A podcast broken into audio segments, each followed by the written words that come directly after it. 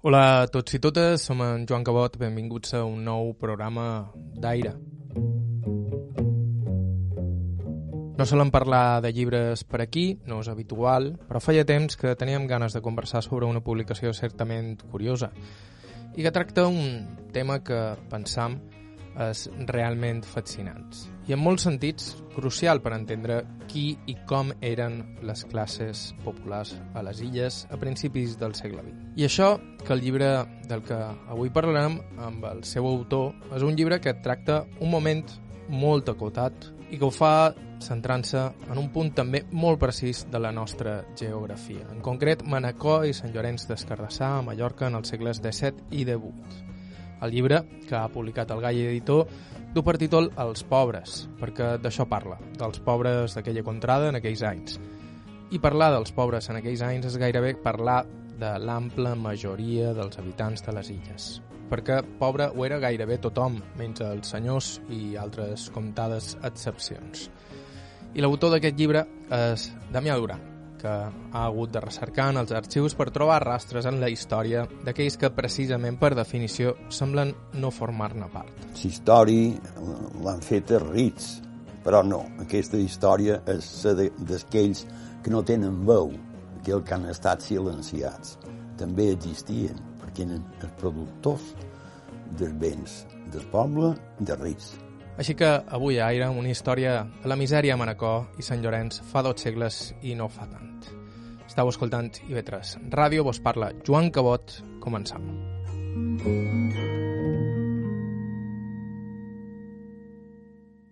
I abans d'entrar en matèria, parlem un poc de l'autor de Els pobres.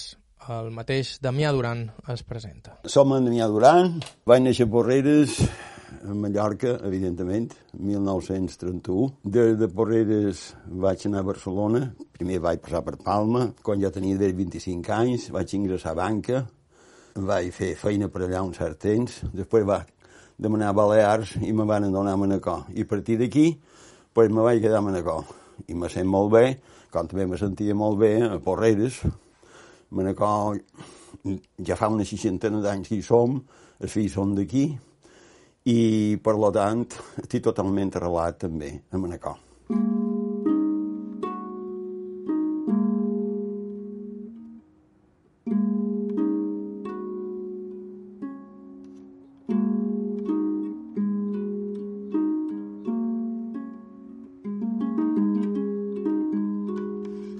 Damià Duran es formaria i tindria una carrera professional a la banca, però els seus orígens eren humils, els habituals d'aquella època, i de fet, a casa seva només hi havia sous perquè un dels fills estudiés.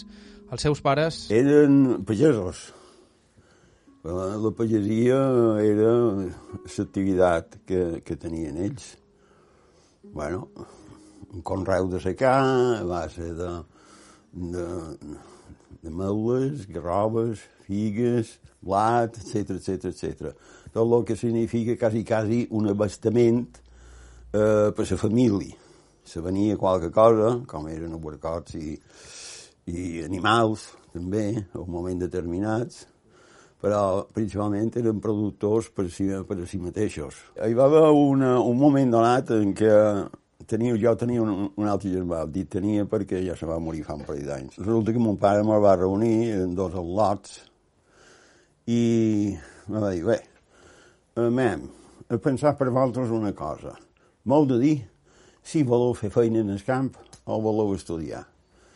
I, i, i no em porta, me contesteu en aquell moment. D'aquí un parell de dies ja vos ho tornaré a demanar i m'heu de dir que heu pensat passar aquest temps, una vegada transcorregut, jo li vaig dir, jo vull estudiar. I l'altre germà va dir, jo no, jo m'estic més fer de feina, fer de pagès. Molt bé. I així me donaren uns certs estudis de batxiller i tal. A partir d'una certa, diguem així, edat, jo ja vaig fer oposicions. I eh, una d'aquestes oposicions, entre altres, que no varen florir perquè, per circumstàncies diverses, eh, va ser la de banca. La de banca eh, a Barcelona, vaig fer dos exàmens, un per entrar de manera temporal, provisional, diguem així, interina, i llavors després un examen que vaig fer en sort de Catalunya, que també s'examinaven conjuntament amb jo. I a partir d'aquí vaig iniciar el que podrien dir l'ocupació que he tingut tota la vida, que és de banca.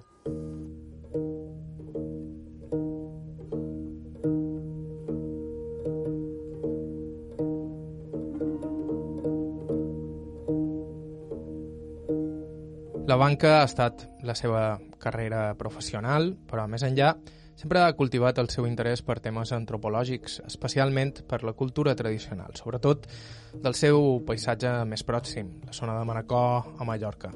I ha escrit llibres sobre temes tan diversos com la cultura dels pescadors d'Artà, l'oci de la pagesia o la producció de l'arròs a Sa Poula i Muro.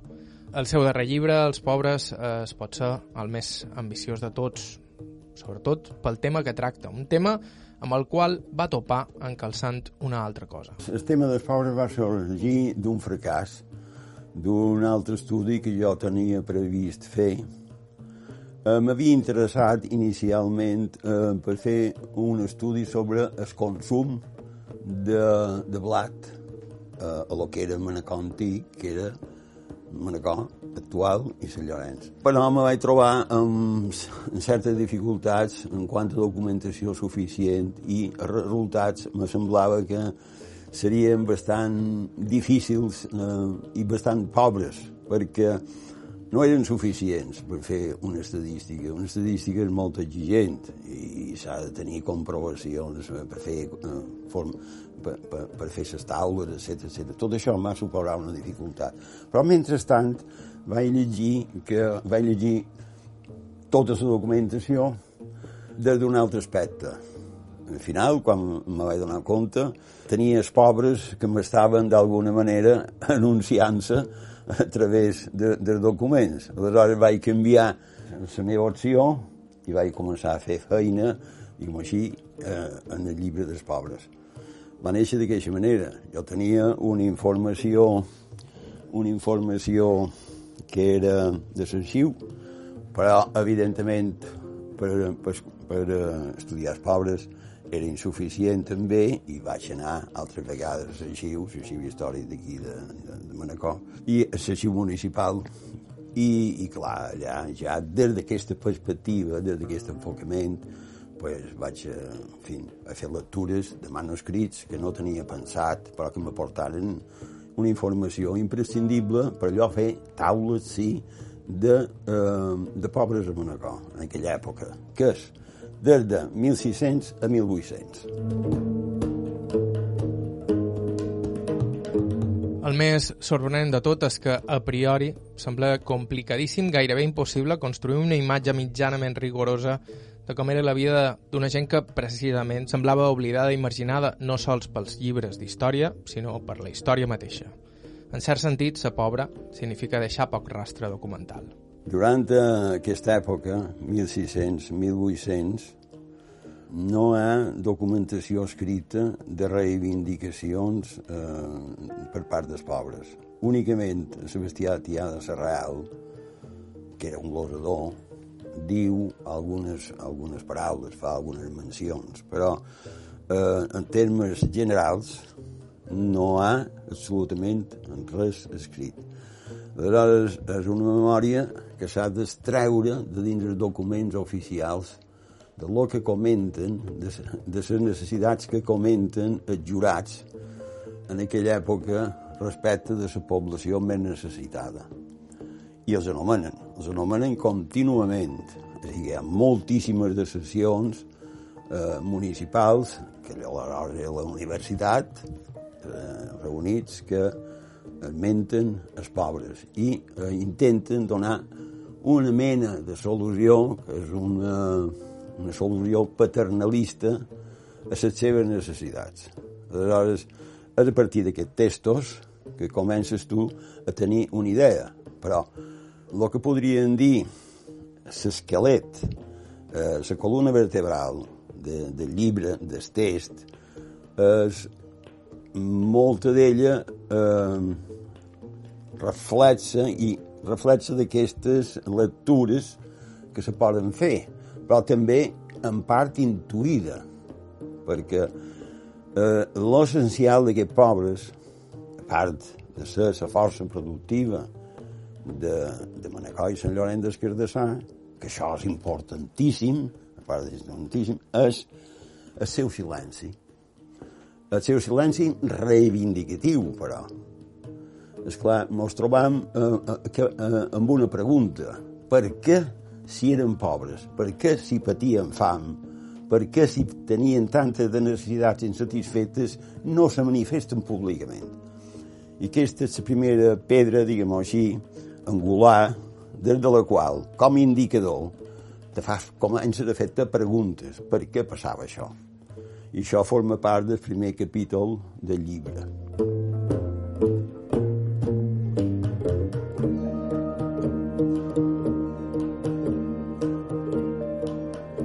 Jo aquí eh, he utilitzat com a punt de partida, primera, considerar en teoria, perquè la pràctica no existia, però en teoria, la dignitat de la persona.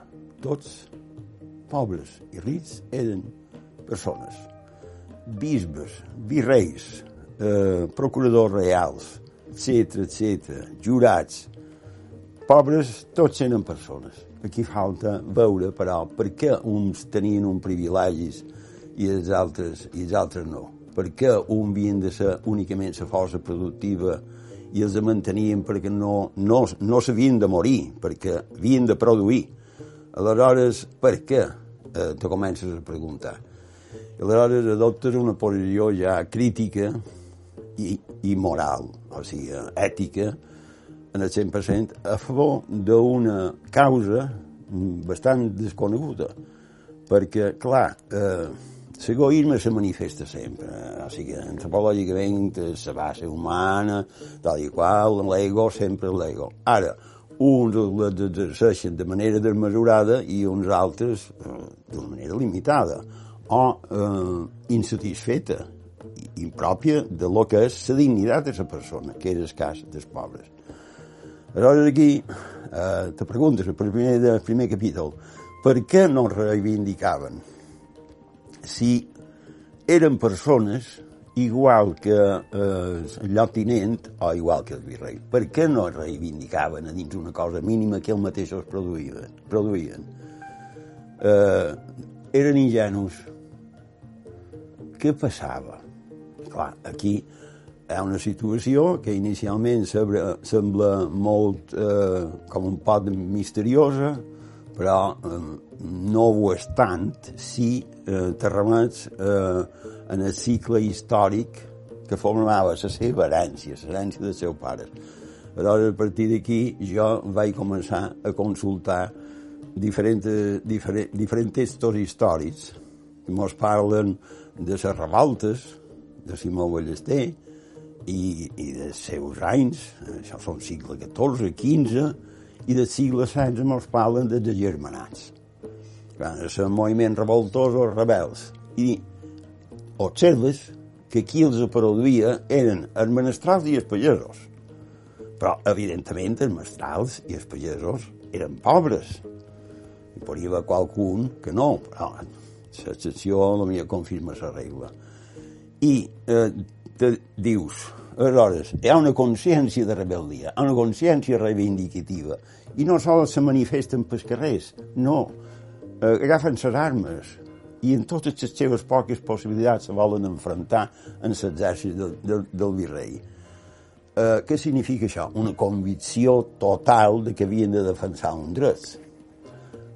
què llavors, aleshores, si això succeeix en el segle XV i XVI, per què no succeeix en el segle XVII? Senzillament perquè la seva consciència de rebel·lia havia estat eh, eh, exterminada totalment i per altra banda a dins una situació d'impotència total, desprestigiats dels seus propis valors, perquè la història així, així vermenta. I, i hi ha un, un, un, un moment en què en Joan Crespí, que va ser un dels, dels principals caudills, com tu saps, de, i igual que en Colom, de la revolta dels germanats que reuneix eh, els paraires i els menestrals de ciutat.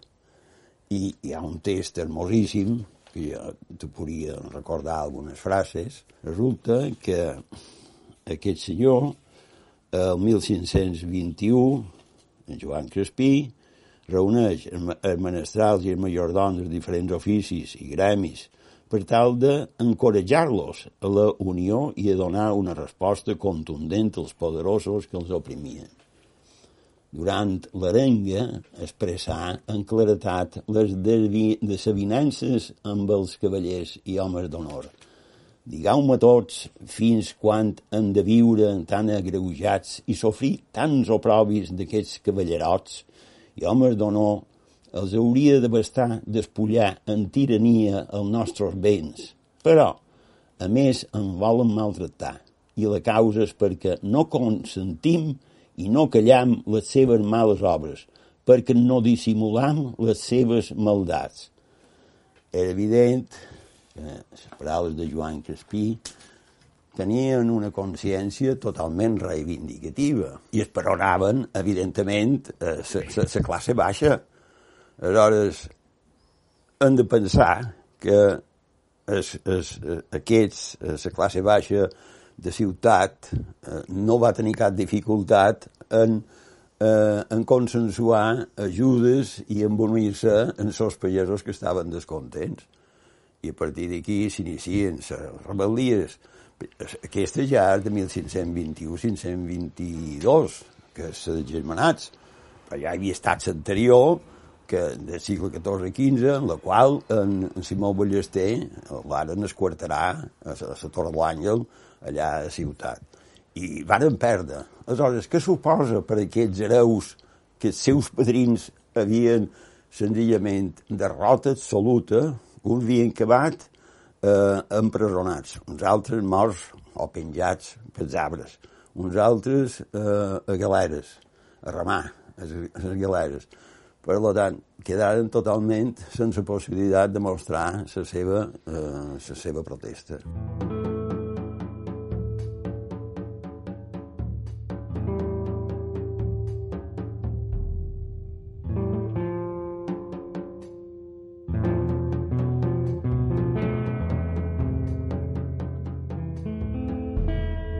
Així és com funciona la repressió. Castiga sense pietat qualsevol intent de revolta i així tothom queda avisat del destí que els espera si se'ls passa pel cap contravenir els poderosos. I la tàctica del virrei va funcionar, desgraciadament.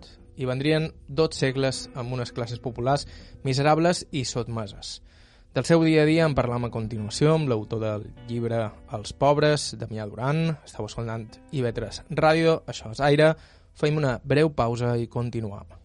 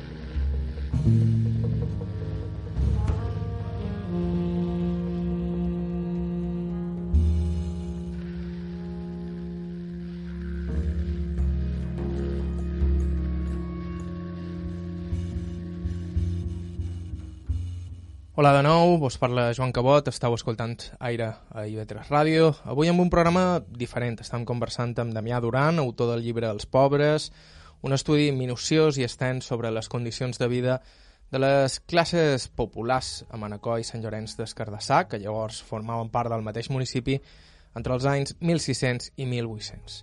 Per què ens interessa tant un estudi sobre un tema tan concret?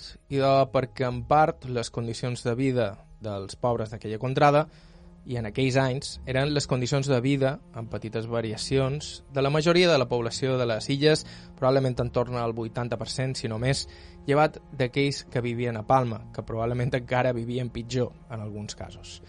I també ens interessa perquè qui era i com vivia aquella gent ens diu molt de qui eren i com vivien els illencs a principis del segle XX ens havien quedat precisament parlant del pes de la història, de la revolta de les germanies del segle XVI i del càstig sense pietat en ser ofegada, de manera que al segle XVII la població tenia ben poques ganes de reivindicar-les. Havia quedat clar que no hi havia cap mena d'espai ni per a la més mínima protesta. Ells realment no tenien opció eh, enfrontar-se en, en el poder de, de, de, de grans terratinents. Diguem així, si ara ens imaginem... Sant Llorenç era un poble petit, era senzillament un poblet, eh, un parell de carrers començats, molt poca cosa. Però concentrava pobres. I entorn d'aquest petit nucli, altres pobres també, que no tenien molt, que tenien molt poca cosa. I després començaven les possessions. Manacor eh, tenia els pobres, que jo pensava de tot d'una, dic, bé, tindran un arrabal, estaran situats dins un, un sector, diguem així, de solars que siguin un, poc més, més baixos de preu, estaran un poc allunyats, com estaran? No, ocupaven tot el poble. I, i és que eren el poble, en realitat perquè les quantitats són estoradores. Per tot el poble estaven, per tot, el trobes a, a, a Fertalles, el trobes a, en el centre els trobes a una zona, diguem així, més, més, més, més a la vorera de, de, de, del poble, els trobes per tot. I on tenen les terres? Evidentment no els tenen dins les grans possessions. Els grans terratinents tenien, tenien les seves terres, tenien els seus missatges, els seus, els seus obrers i punt. O sigui, els pobres realment eh, formen, diguem així, aquest immens grup que són el, el, el, el poble uns sense feina, no tenen terres, han d'anar per les possessions a demanar jornal, les dones també, eh, i eh, per altra banda, els que tenen terres tenen molt poques terres que són entorn del poble mateix. O sigui, aquí se veu que els mateixos propietaris de les antigues possessions varen vendre part de la, de la seva possessió, varen obtenir un més, i a canvi els pobres van tenir accés a unes, a unes poques terres, que eren insuficients, evidentment. Aleshores ens trobam amb una equació totalment invertida. Per una banda, una minoria, que són de més un 10, un 12% de famílies, d'aristòcrates, són els propietaris d'un 80-90%, entre un 80 i un 90% de la riquesa del conjunt mentre que un 80% de gent de dins, aquests, de dins, de dins els termes municipals eh, tenen un 10% de la riquesa, o sigui, una quantitat mínima.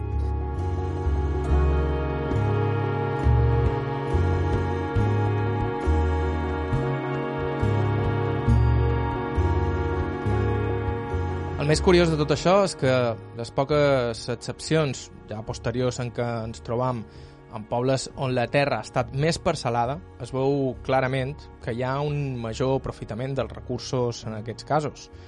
Els senyors tenien grans extensions, molt sovint infraexplotades, i fins i tot, en alguns casos, abandonades, en part perquè ja els era bastament amb el poc que feien o els era suficient només amb ser els propietaris dels terrenys per rebre rendes.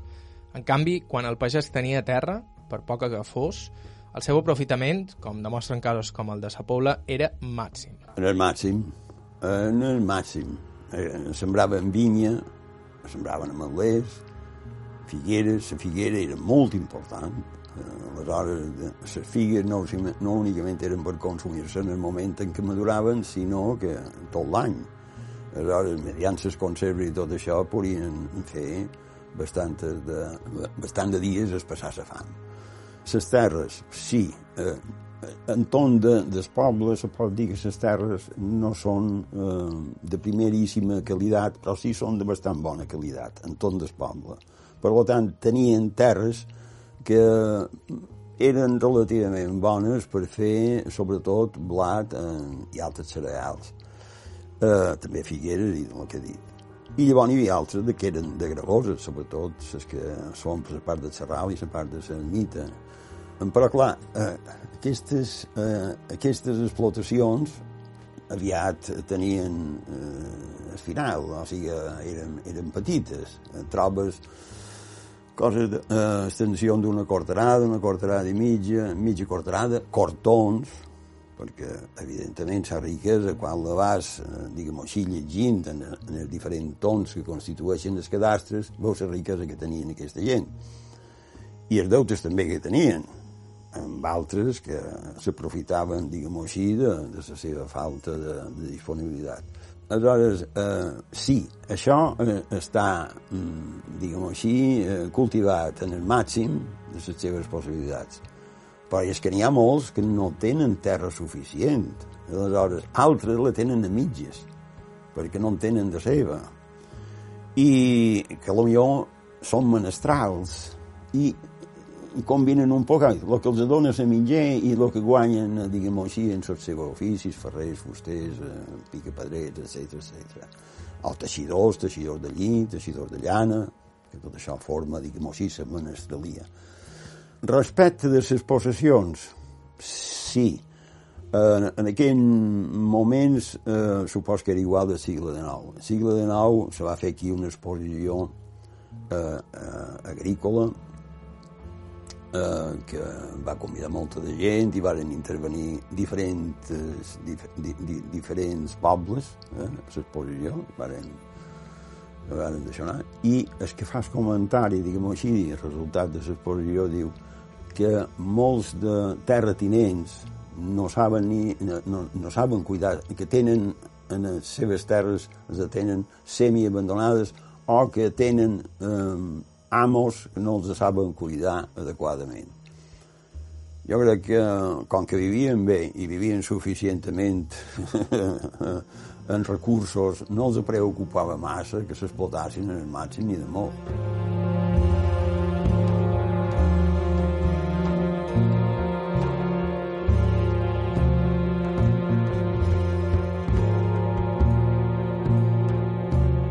De tot això, els senyors vivien lluny, la clàssica imatge era la del senyor que vivia a Palma i sort si visitava les terres un cop a l'any. Al poble sí hi havia uns quants senyors, però així tot el seu contacte amb els pagesos era limitadíssim i per suposar la relació entre uns i altres era de submissió total. Això és, un, és una situació, diguem-ho així, mm, que te demostra eh, com eren com eren aristòcrates d'aquell temps, els terratinents. Els terratinents se feien amb ells, i ells amb ells. És vera que tenien una dependència dels pobres, una certa dependència dels pobres, perquè ells no feien feina, vivien molt bé, no, o sigui, no els importava, no era necessari que en fessin. Basta que eh, administrassin una mica i firmassin els documents, eh, els contractes en el seu, en el seu d'això, el seu pagès. Eh, però eh, eh, això no era, no, era, no era el pitjor. El pitjor era que dels béns que obtenien de resultat de les seves finques principalment no els invertien a Manacor, sinó que els invertien a ciutat. Llavors era ciutat. Era centre comercial, cultural, etc etc de tot. I el centre de, de, de moltes de, també de mancances quan venien els eh, dies ben dolents, perquè també hi havia una massa social eh, molt pobra a dins ciutat. Però ells, eh, que vivien, diguem-ho així, d'espaldes bastant de, de les finques, bastava que els entregars als pagès, segons les clàusules que tenien firmades, els, els béns, eh, per Pasco tal cosa, per, per Sant Sebastià tal altra, per tal, tal, etc. A partir d'aquí, allò el feien eh, del bé que consideraven si volien vendre o no volien vendre, consumir, etc etc. I invertien a altres llocs que no eren precisament Manacor. Aleshores, ens trobam amb un Manacor que emergeix dins del segle XIX, que té, sí, uns certs edificis que són de categoria, una certa categoria, que eren els que no residirien a Palma, eren dels rics que no, no residirien a Palma, o posades de d'aquesta gent important que vivia a Palma però que tenien a Manacor. S'ha de dir que és probable que alguns senyors fossin més generosos que d'altres, que alguns fossin més atents amb els pagesos, però, segons Damià Duran, és complicat trobar rastres de la seva solidaritat en els arxius. Del que sí hi ha rastres és de les almoines, que alguns senyors donaven a l'església perquè les repartissin entre els més necessitats. En tot cas, segons Duran, es tracta de quantitats testimonials. Si un senyor determinat, que és ben possible que ho fes, eh, va protegir els seus pagesos, no, no se'n té constància, perquè era una cosa que se feia entre ells. S'ha de suposar que va existir, que no tots, no tots els nobles eren innobles, si, si, sinó que, que, que, que sí, que potser tenien per, per seus obrers un tracte, un tracte adequat, diguem així, correcte, normal. Però mm, no ha constància escrita, sí que hi ha una, una canalització d'almoines que ells fan alguns, no tot ni de molt, ni de molt, ni de molt, per això en el llibre de manuscrits sabeu qui, qui, qui els feia. I, i eh, donen el que podrien dir en el, en el comú parroquial, que era un fons que se, se constituïa perquè llavors el rector, eh, a través de l'almoiner, els eh, distribuís aquelles almoines a les persones més necessitades. Però mm, no són ajudes importants, sinó són ajudes més bé testimonials. I pot haver un d'excepcional, també. Però la majoria eren tes, eh, testimonials i, de més, no tots ni de molt els eh, contribuïen. Home, eh, si ells vivien a Palma, si molts d'ells vivien a Palma, què els importava el que passava amb Manacor? No els importava per res. Dir, ells estaven bé. És aquí quan ens hem de demanar quin era el paper de l'Església en aquells anys. Per una banda, promulgava la pietat cap als pobres i demanava almoina als senyors. Però per l'altra, també exigia tributs entre les classes humils i exercia un paper importantíssim en l'engranatge del control social. La vida terrenal era un trànsit temporal en què havies d'acceptar amb el cap cot qualsevol patiment i havies de tolerar viure sotmès sempre amb la bremosa d'una vida més enllà de la mort en què el teu sacrifici seria recompensat. Hi ha molt poques protestes per part de l'Església, mmm, diguem-ho així, eh, d'una manera clara i rotunda. No s'oposen els cavallers, en els nobles, en els, en, en els poderosos que tenen un gran patrimoni i és que molts eclesiàstics, a més de ser eclesiàstics, eren a la vegada rics. I aleshores, eh, una s'eclarecia, diguem-ho així, de, de rang més elevat estava, diguem-ho així, unida per molt de vincles eh, econòmics i, i, i de classe, de classe social elevada, estava unida a, a l'aristocràcia.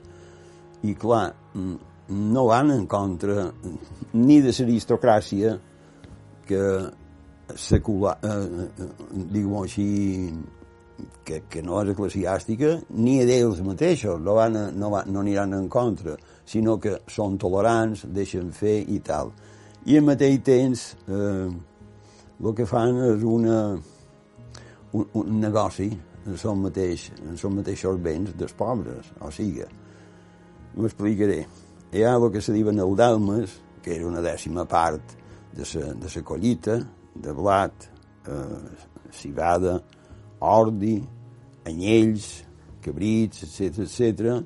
la dècima part, eh, i estava eh, distribuïda aquesta dècima part, una per rector, un parrotó, salta pel bisbe i pel, pel, per virrei. Aleshores, eh, resulta que aquesta dècima part moltes vegades estava constituïda per blat, perquè els anyells, evidentment, se, se venien i se constituïen immediatament en diners. Però eh, el blat no, i, i llavors resulta que el blat ells des del magatzem, a través dels seus, eh, dels seus emissaris, de, de la seva gent que, que treballava aquestes coses, pues, eh, feien, eh, ven, venien en el mateix ajuntament del poble. Aleshores, per una banda, havien rebut gratuïtament eh, a través de l'impost eclesiàstic aquests béns. Per l'altra banda, els venien en l'Ajuntament aleshores l'Ajuntament els, els venien els pobres.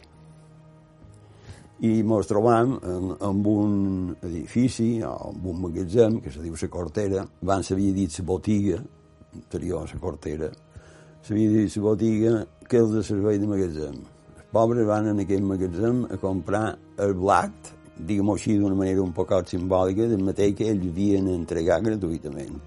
Aquesta jo crec que és la gran vergonya d'una situació, diguem-ho així, eclesiàstica, que ja eh, podríem dir que estava molt allunyada del cristianisme eh, primitiu, el cristianisme de Jesús, allà on estan eh, els principis que la mateixa Iglesia defensava. Hi ha aquesta paradoxa. Eh?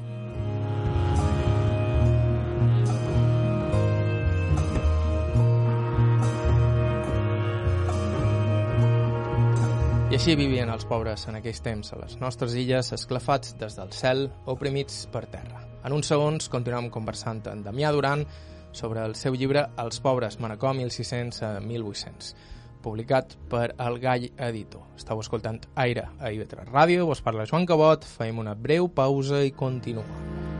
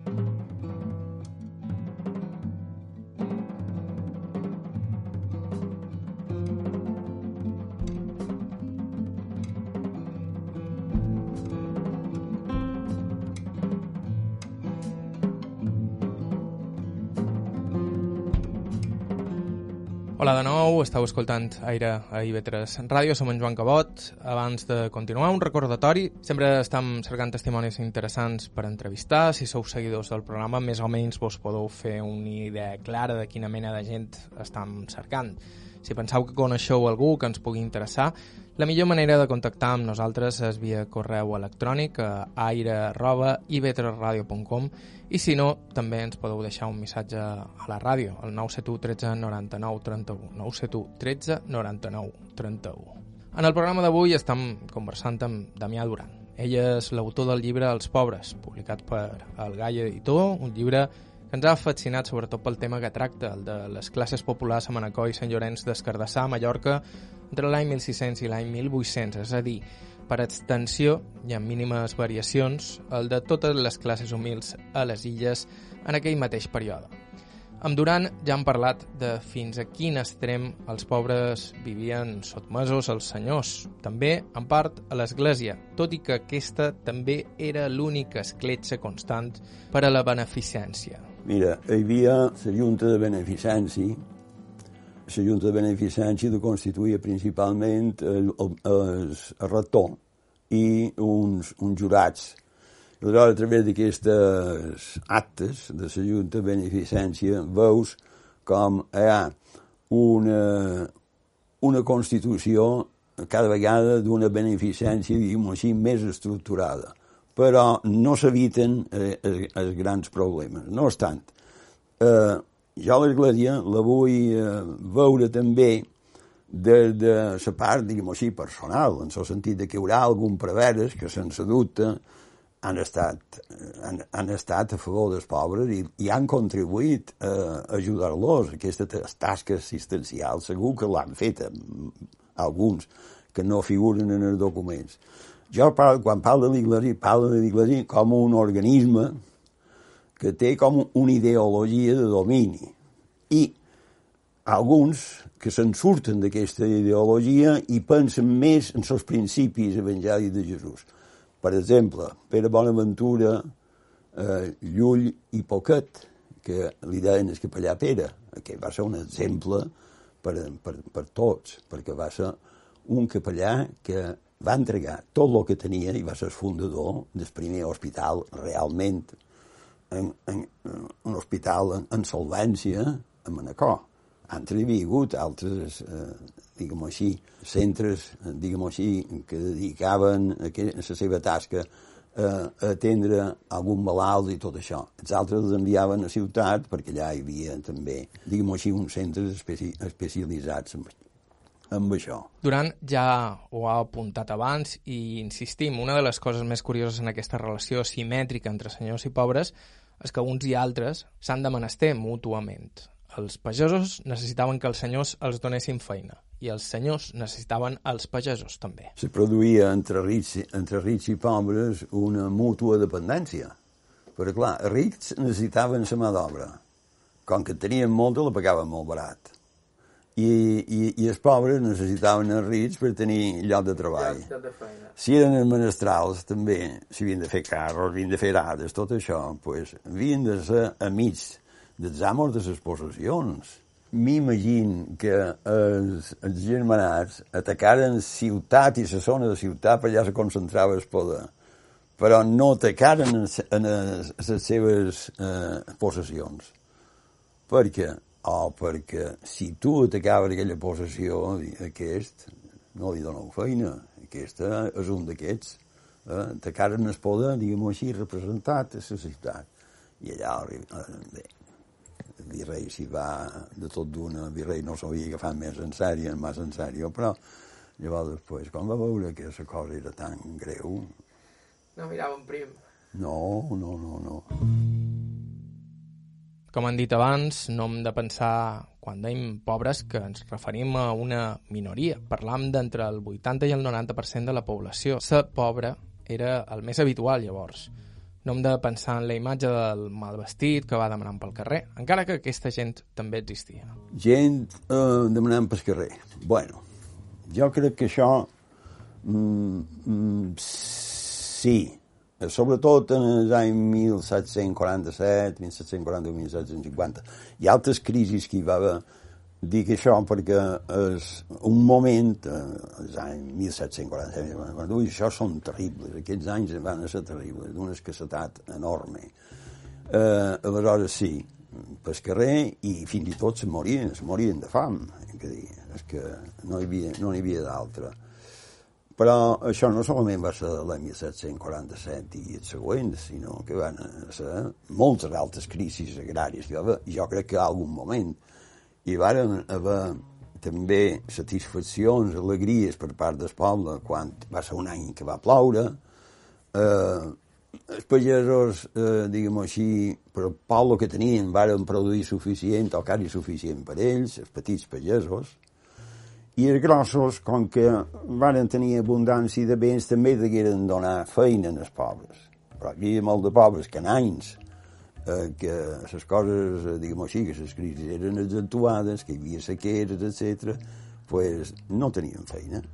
I hi ha documents que diuen clarament des de la universitat, que és aleshores l'Ajuntament, eh, diuen que, per favor, aquests eh, terratinents que tenen abundància de terra i tal, donin lloc de feina a els pobres, que n'hi ha molts i no tenen per menjar.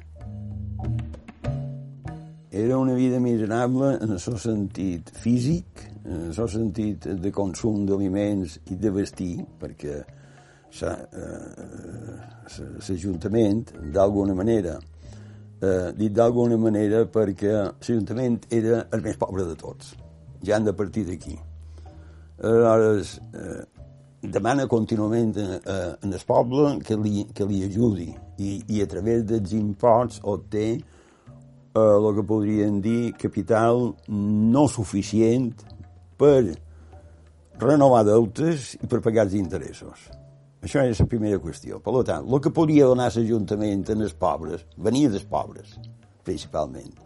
Però ja dic, les donacions per part dels rics, o perquè vivien en una altra banda, o perquè ja estava bé així, no, no existien o existien en molt poca quantitat fins i tot eh, que no hi ha constància. Llevat de qualque cosa, de qualque detallet, no hi ha constància. Aleshores, pobres ajudaven a pobres. Aquí s'inicia segurament un cicle d'impossibilitat de, de sortir de dins la pobresa.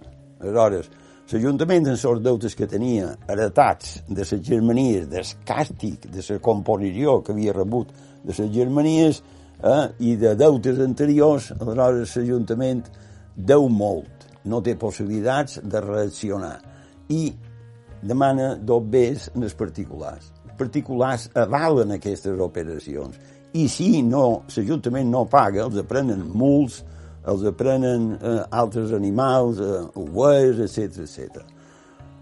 O sigui, per una banda, mm, no tenen suficient per ells, han d'ajudar a l'Ajuntament, més enllà hi ha uns senyors que exploten aquesta situació, més enllà n'hi ha uns altres que no se cuiden d'ells, i damunt de tot, l'Iglesi, l'Iglesi que promet el cel i que promet que allà seran ben rebuts i que hi haurà ball i alegria.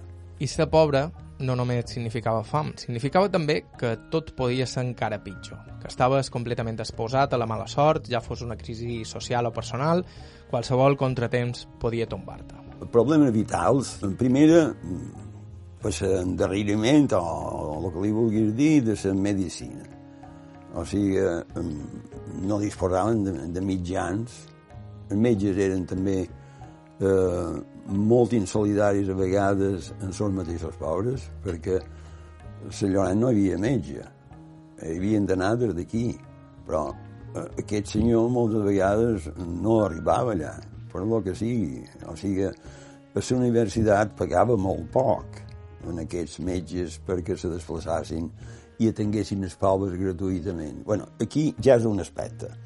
Ja tenim una cosa. L'altra era eh, la problemàtica de, de naixements. O sigui, eh, morien eh, els infants, diguem així, morien en Esparta. Es veu que hi havia una, una pèrdua significativa per part de mares i per part d'infants. Eh, per l'altra banda, la mitjana d'edat eh, que morien, pues, la mitjana 60 màxim, màxim, màxim, no, menys, menys, menys de, menys, menys de 60, 50, 40 anys eh, la gent moria. Pot haver qualque excepció. Bueno, això ja ho sabem també, eh, segle XIX, per l'arxiduc Luis Salvador, que fa unes estadístiques i eh, en parla de tot això. De fet, seria el segle XIX en què es donarien alguns canvis, petits però decisius, que millorarien considerablement la vida de les classes populars a les illes. Per una banda, el progrés suposaria la possibilitat d'emigrar, la solució a molta de la pobresa va ser directament fugir, especialment de cap a Sud-amèrica. Per altra banda, la medicina també va anar millorant i varen arribar algunes mesures polítiques i socials que varen alleugerir el jou dels pobres. En el segle, en el segle XIX, en primera desapareix el delmes, aquest impost. Això és molt important. La segona vez la desamortització, que no va ser una desamortització tampoc molt, molt efectiva en tercera, aquests rits eh, ja eh, alguns eh, entren en, en crisi i venen part de les seves propietats. Això fa que els pobres comencin a tenir al seu abast la possibilitat de comprar noves terres. I a partir d'aquí s'inicia un, un moviment, diguem-ho així, de, de recuperació i de disminució progressiva. Però no oblidem que en el final del segle XIX ha molta de migració cap a Amèrica i altres zones, Amèrica del Sud i Amèrica Central, i que evidentment és perquè no troben aquí suficient eh, recursos per poder subsistir i aleshores emigren. Per tant, va molt lentament, eh, el canvi d'estructura va molt lentament i se pot dir que fins a dins del segle XX, ja ben entrat al segle XX, eh, quan se parcel·len més possessions i tot això, no se fan canvis substancials. A més, l'alfabetisme també segueix paral·lel a tota aquesta situació. I gairebé així, si fa no fa, ens plantam a finals del segle XIX i principis del segle XX, els pilars d'aquelles illes que el turisme transformaria a partir de la segona meitat d'aquell segle. Ha estat un camí llarg, molt llarg.